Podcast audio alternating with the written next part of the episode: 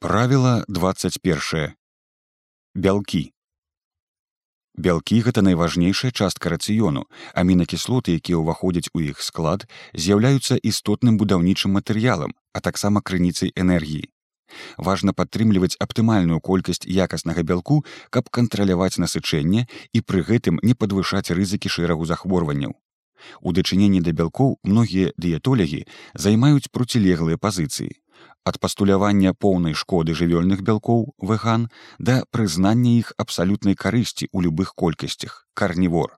Акрамя колькасці бялку вельмі важным з'яўляецца яго якасць што звязана са зменамі ў яго апрацоўцы і захоўванні. Давайте разбяромся як нам навучыцца атрымліваць ад бялковых прадуктаў максімум карысці і пазбягаць іх неспрыяльных уздзеянняў на наше здароўе. Як з'явілася праблема У працэсе эвалюцыі нашыя продкі ў свой час з расліннай ежы перайшлі на ўсяеднасць і павялічылі долю мясной ежы.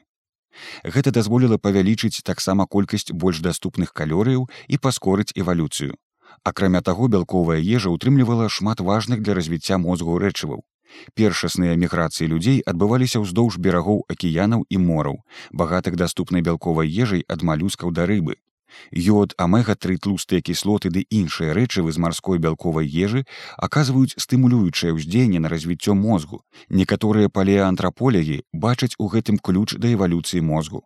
Рассяляючыся па зямным шары, нашыя продкі пакідалі к'ёканмедынгі, агромністыя шматметровыя горы з ракавінак з'едзеных малюскаў. Паляўнічыя збіральнікі елі не толькі мяса жывёлаў, але і косткі, храсткі, іншыя субпрадукты. І гэта правільнае рашэнне, бо ў печані, напрыклад, утрымліваецца больш вітамінаў і мінералаў, чым у чырвоным мясе. Аднак пераход ад земляробства прывёў да скарачэння колькасці жывёльнай ежы, збяднення рацыёну, павелічэння спажывання крупаў, што адбілася на здароўі і вонкавым выглядзе нашых продкаў і нават прывяло да памяншэння сярэдняга росту. У шматлікіх традыцыйных культурах спажывання бялковых у першую чаргу мясных прадуктаў было збалянсаваным, ад мяса практычна нідзе не адмаўляліся нават у будызме. Але ў цэлым яно абмяжоўвалася. Так у хрысціянстве ў дні даволі шматлікіх пастоў мяса не было. Такі рэжым ужывання мяса імітуе рэжым харчавання паляўнічых збіральнікаў. Шмат мяса падчас паспяховага палявання і шмат расліннай ежы падчас збіральніцтва. Няўдалае паляванне Йод, амега-3 тлустыя кіслоты ды іншыя рэчывы, якія ўтрымліваюцца ў марской ежы, аказваюць стымулюючае ўздзеянне на развіццё мозгу. Некаторыя палеантраполегі бачаць у гэтым ключ да эвалюцыі мозгу. У сучасным свеце колькасць мяса ў рацыёне павялічваецца. Пры гэтым часта яно ўжываецца ў нездаровым харчовым кантэксце, не з зелянінай і гароднінай, а з салодкім і мучным. Бялковыя прадукты прысутнічаюць практычна ў кожным прыёме ежы. У структуры бялковых прадуктаў таксама назіраецца перакос у бок перапрацаванага чырвонага мяса і малочных прадуктаў з памяншэннем долі расліннага бялку, яек і рыбы. Такое высокае спажыванне бялку павялічвае рызыкі шматлікіх захворванняў цывілізацыі, атлусцення, дэпрэсіі, аўтаімунных захворванняў, раку і да таго падобных. Як гэта ўплывае на здароўе? Голад і сытасць бялкі добра засвойваюцца сытасць захоўваецца надоўга чым і тлумачыцца наступнае зніжэнне колькасці спажываных калорыяў. Высокабялковыя дыеты спрыяюць пахуданню пры гэтым дапамагаючы лепш кантраляваць апетыт чым нізкабялковыя ці нізкатлушчавыя дыеты. Тым не менш уплыў на вагу доўгатэрміновых дыетаў розных відаў не адрозніваецца. Агульны тонус Вялікая колькасць бялку ў харчаванні аказвае стымулюючае ўздзеянне, узмацняе сімпацыйны тонус, павялічвае энергічнасць і настрой. Метабалізм. Надмер шэрагу амінакіслотаў у прыватнасці амінакіслотаў з разгалінаваным ланцугом BCAA пахаршае адчувальнасць да інсуліну. Дыеты з больш высокім утрыманнем бялку хоць раўназначныя ў лічбах скінутай вагі, але пры гэтым паказваюць горшую адчувальнасць да інсуліну ў параўнанні з дыетамі з нізкім утрыманнем бялку. Пры гэтым высокае ўтрыманне бялку можа змяншаць узровень трыгліцерыдаў і колькасць тлушчу ў печані. Бялкі добра засвойваюцца, сытасць захоўваецца надоўга, чым і тлумачыцца наступнае зніжэнне колькасці спажываных калорыяў. Высокабялковыя дыеты спрыяюць пахуданню, пры гэтым дапамагаючы лепш кантраляваць апетыт. Стымулятары мторг. BCAA амінакіслоты, лейцын, ізалейцын і валін і метыянін стымулююць актыўнасць мторг само па сабе гэта карысна перыядычна але залішняя стымуляцыя прыводзіць да павелічэння рызыкі шэрагу захворванняў ад атлусцення і аўтаімунных захворванняў да заўчаснага старэння зніжэння хуткасці аўтафагіі і рызыкі пухлінавых захворванняў слухайте раздзел хуткая і павольная ежа Ёсць дадзеныя, што высокае спажыванне BCAA прыводзіць да зніжэння працягласці жыцця. Больш за ўсё гэтых амінакіслотаў у малочных прадуктах, асабліва ў сыроватачным бялку і малацэ, менш у раслінным бялку за выключэннем соевага бялку. Часта BCAA неўзаметку прысутнічае ў выглядзе соевага парашка, сухога малака і гэтак далей. Важная ўласцівасць BCAA гэта магутная стымуляцыя інсуліну і актывацыя мторг, што ўзмацняецца ў спалучэнні з высокаглікемічнымі вугляводамі. Залішняя увесьчасная актывацыя мторг прыводзіць да залішняй сімпата-адрыналавай актыўнасці і ўзмацняе стрэс, трывогу, неўратычнасць, павялічвае артэрыяльны ціск і пагаршае рэляксацыю і сон. Рызыка захворванняў Высокабялковыя дыеты, асабліва на тле высокакалярыйнага харчавання, павялічваюць рызыку сардэчна-сасудзістых захворванняў, нагрузку на ныркі. У людзей з утрыманнем бялку ў дыеце больш за 20соткаў ад каляражу рызыка захворванняў вышэйшая, чым у людзей з утрыманнем бялку ў дыеце 10соткаў і менш. Высокабялковая дыета павялічвае рызыку захворвання на цукровы дыябет другога тыпу і рызыку ракавых захворванняў. Дыета з нізкай колькасцю матыяніну паляпшае хаду некаторых анкалагічных захворванняў, зніжае ўзровень сістэмнага запалення. Старэнне. Лішак бялку ў ежы, асабліва жывёльнага, скарачае працягласць жыцця і паскарае старэнне. Пры гэтым раслінныя бялкі не маюць такога ўплыву на захворванне і працягласць жыцця, як жывёльнае, праз меншае ўтрыманне матыяніну і BCAA. Дыеты з нізкім утрыманнем матыяніну памяншаюць рызыку развіцця шэрагу захворванняў і павялічваюць працягласць жыцця. Абмежаванне прадуктаў багатых лейцынам уваходзіць у BCAA уздзейнічае амаль эквівалентна нізкакалярыйнаму харчаванню і падаўжае жыццё. Засваенне мінералаў. Мінералы, якія атрымліваюцца з жывёльных прадуктаў, засвойваюцца нашмат лепш, чым з расліннай ежы. Антынутрыенты запавольваюць усмоктванне цынку, жалеза і селену. Таму мяса лепш есці з гароднінай, а не з крупамі з бажына бабовыя. Аднак лішак жалеза часцей у мужчын, назапашваючыся з узростам, вельмі негатыўна ўплывае на здароўе. Жалеза, як і медь, гэта метал з пераходнай валентнасцю, таму яго надмер паскарае перакіснае акісленне тлушчаў што павялічвае рызыку шматлікіх захворванняў ад атлусцення і раку да неўрадэгенератыўных захворванняў. Дэфіцыт жалеза часцей у жанчын таксама сур'ёзная праблема, якая пагаршае самаадчуванне, вонкавы выгляд і здароўе. Йод, цынк, селен, бор і дзясяткі іншых мінералаў сустракаюцца ў добрай канцэнтрацыі ў морапрадуктах.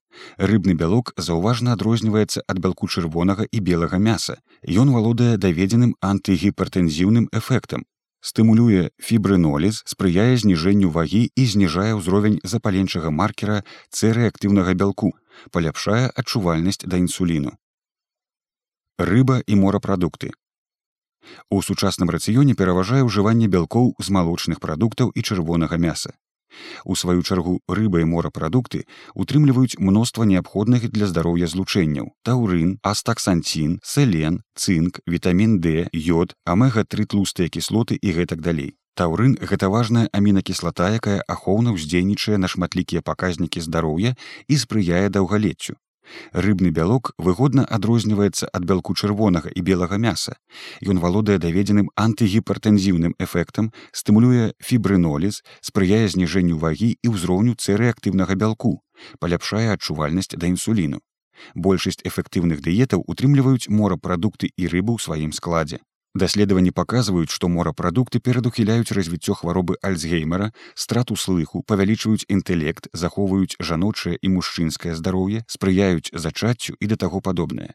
Для дасягнення эфекту не трэба есці як эскімос, дастаткова умеранага дадання ў рацыён морапрадуктаў і рыбы.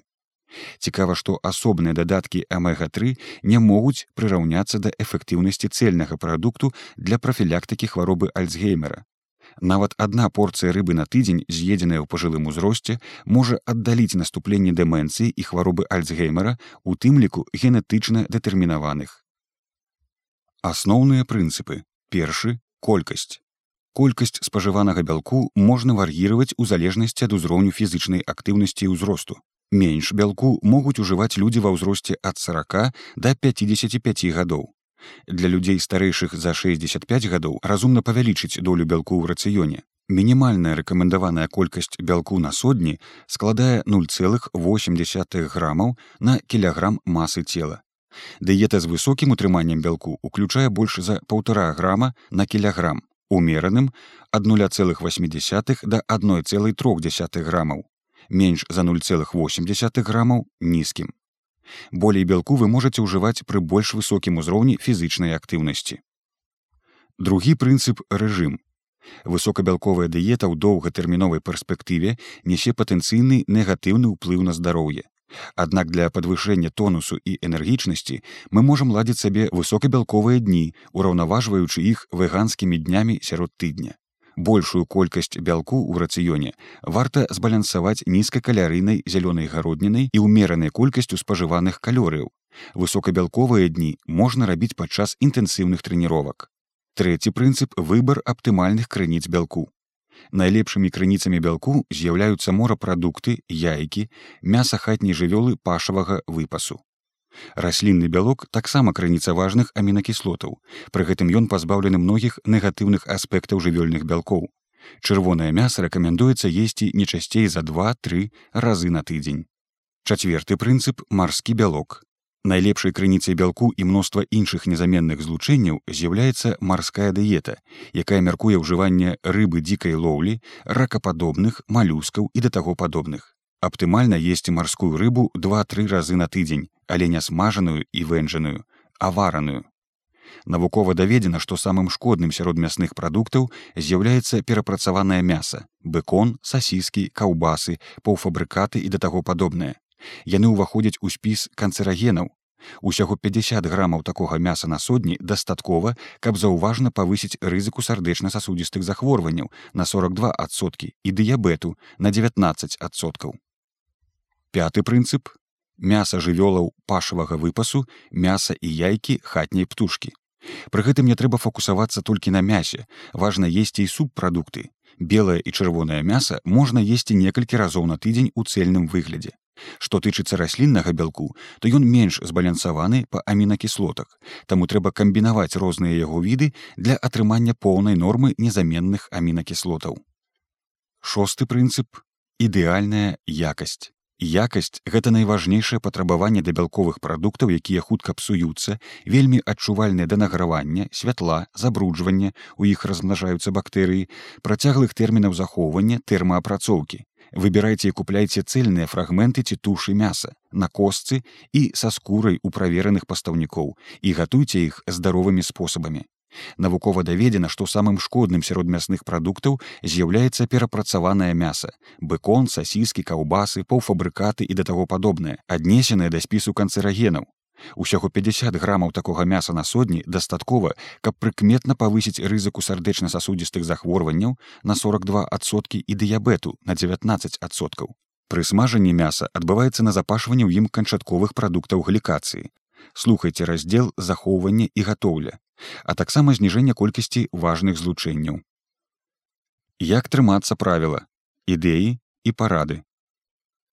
Кантроль апетыту. Бялок выдатна насычае, таму калі вы губляеце кантроль над апетытам, зрабіце некалькі высокабялковых дзён, каб яго аднавіць. Бялковыя дні У дні высокай фізычнай ці разумовай нагрузкі вы можете кароткачасова перайсці на рэжым паляўнічага, прыкметна павялічыўшы частку бялку ў рацыёне. Гэта дазволіць вам выкарыстоўваць яго стымулюючае дзеянне. У першую чаргу бялок.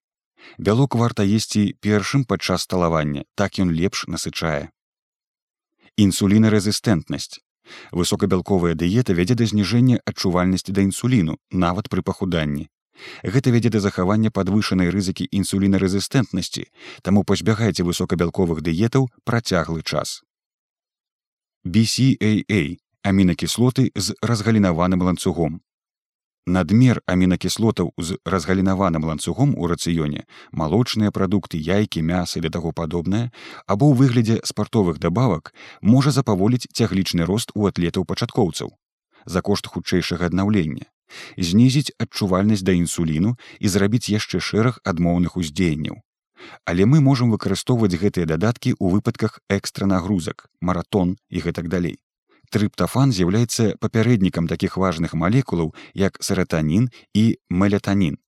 Рэч у тым, што трыптафан слаба пранікае праз гематаэнцефалічны бар'ер. Яго перанос залежыць ад суадносінаў у крыві трыптафан BCAA. Таму пасля бялковай ежы ўзровень трыптафану вырастае ў плазме крыві, але не ў мозгу. Калі вы з'ядаеце раслінную ежу, то інсулін зніжае ўзровень BCAA, але не трыптафану ў плазме крыві, узмацняючы іх паглынанне цягліцамі. Зніжэнне ўзроўню BCAA вядзе да змены суадносінаў трыптафан BCAA, што ўзмацняе перанос трыптафану ў мозг і паляпшае самаадчуванне. Даданне нават невялікіх колькасцяў бялку да вугляводнай ежы прыводзіць да павелічэння ўзроўню BCAA, што блякуе гэты механізм. Дастаткова 4 адсоткі бялку, каб прадухіліць змяненне суадносінаў трыптафан BCAA. Таму не варта дадаваць да кожнага прыёму ежы багатыя BCAA прадукты знізіць узровень жалеза ў крыві дапаможа донарства здавайце один-тры разы на год кроў і рэгулярна правярайце ферытын асабліва калі ў вас ёсць генетычная схільнасць да назапашвання жалеза бялковыя коктейлі Бялковыя парашкі гэта бедныя калоры, бо ў іх шмат калорыяў і мала дадатковых нутрыентаў, мінералы, вітаміны і да таго падобнае у параўнанні з цэльнымі прадуктамі. Магчыма, яны будуць карыснымі для прафесійных атлетаў, але не для тых, хто не займаецца фізычнымі нагрузкамі. Вэганства і карнівор.